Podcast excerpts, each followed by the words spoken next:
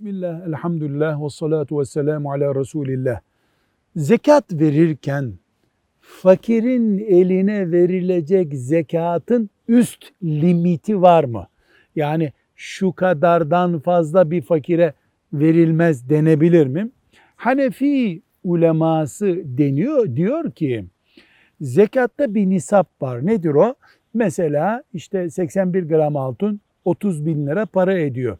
Bu rakamın üstünü aşmamak lazım. Fakire verirken fakiri o gün zengin duruma düşürüyor gibi oluyor. Ama buna rağmen çok acil durumlar, fakirin çok acil görülmesi gereken ihtiyacı gibi nedenlerle yani üst limitten de verilse zekat açısından bir sıkıntı yok.